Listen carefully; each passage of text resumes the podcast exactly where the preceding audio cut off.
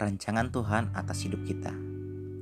Yeremia 29 ayat 11 Sebab aku ini mengetahui rancangan-rancangan apa yang ada padaku mengenai kamu. Demikianlah firman Tuhan, yaitu rancangan damai sejahtera dan bukan rancangan kecelakaan, untuk memberikan kepadamu hari depan yang penuh harapan. Saya akan bacakan di dalam terjemahan bahasa Indonesia masa kini. Bukankah aku sendiri tahu rencana-rencanaku bagi kamu? Rencana-rencana itu bukan untuk mencelakakan kamu, tetapi untuk kesejahteraanmu dan untuk memberikan kepadamu masa depan yang penuh dengan harapan. Di sini kita bisa melihat bagaimana Tuhan punya sebuah rancangan yang indah bagi kita. Rancangan yang Tuhan buat atas kita bukanlah rancangan kecelakaan. Jadi kalau kita ingin mengerti apakah ini kehendak Tuhan atau bukan, kita dapat melihatnya apakah hal ini akan mencelakakan kita atau tidak. Atau yang kedua, kita bisa mengujinya dengan damai sejahtera yang ada di hati kita.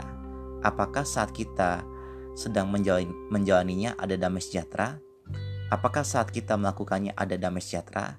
Saat kita sedang berada di dalam damai sejahtera Allah, di situlah kita bisa mengerti bahwa kita sedang berada di dalam rancangan Tuhan.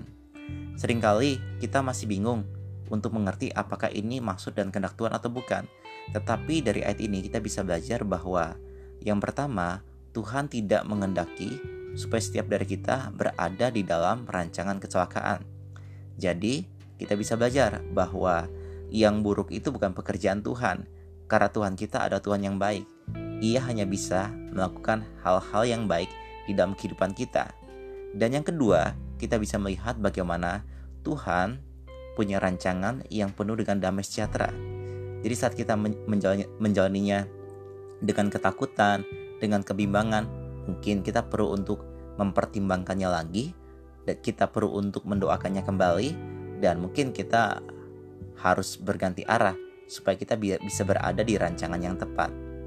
Saudara, sering kali kita tidak bisa melihat akhir dari rancangan Tuhan. Tetapi yang mau saya pastikan hari ini adalah janji Tuhan, iya dan amin. Saat dia berjanji, dia tidak pernah berdusta dan apa yang dia katakan pasti akan terjadi. Dan Tuhan juga memberikan kepada kita hari depan yang penuh dengan harapan. Jadi, saat kita mengerti kehendak Tuhan, maka kita akan bisa terus berharap kepada Tuhan. Dan ketahuilah bahwa pengharapan kita di dalam Tuhan tidak akan pernah mengecewakan. Jadi, teman-teman, hari ini saya mau bagikan bahwa rancangan Tuhan adalah rancangan yang sempurna. Rancangan Tuhan adalah rancangan yang baik. Rancangan Tuhan adalah, adalah rancangan yang memberikan damai sejahtera. Tuhan tidak pernah membuat rancangan yang mencelakakan kita. Dan bahkan, seperti yang tadi kita sudah lihat dan kita baca, Tuhan punya rancangan yang akan mendatangkan harapan dalam kehidupan kita. Jadi teman-teman, jangan takut, jangan gelisah, jangan khawatir. Sebab Tuhan kita adalah Allah yang setia dan adil. Dia adalah Allah Immanuel. Dia ada bersama dengan kita, baik suka maupun duka. Baik saat kita sedang berada di atas maupun di bawah. Kerinduan hati Tuhan, ia ingin menuntun kita ke arah yang benar, ke jalan yang benar. Dia ingin menyegarkan jiwa kita. Jadi, kita bisa ambil waktu untuk bersyukur kepada Tuhan, untuk berterima kasih kepada Tuhan, sebab Ia baik, bahwasanya dan untuk selama-lamanya kasih setia Tuhan. Sampai jumpa lagi dalam podcast berikutnya. See you next time and God bless you.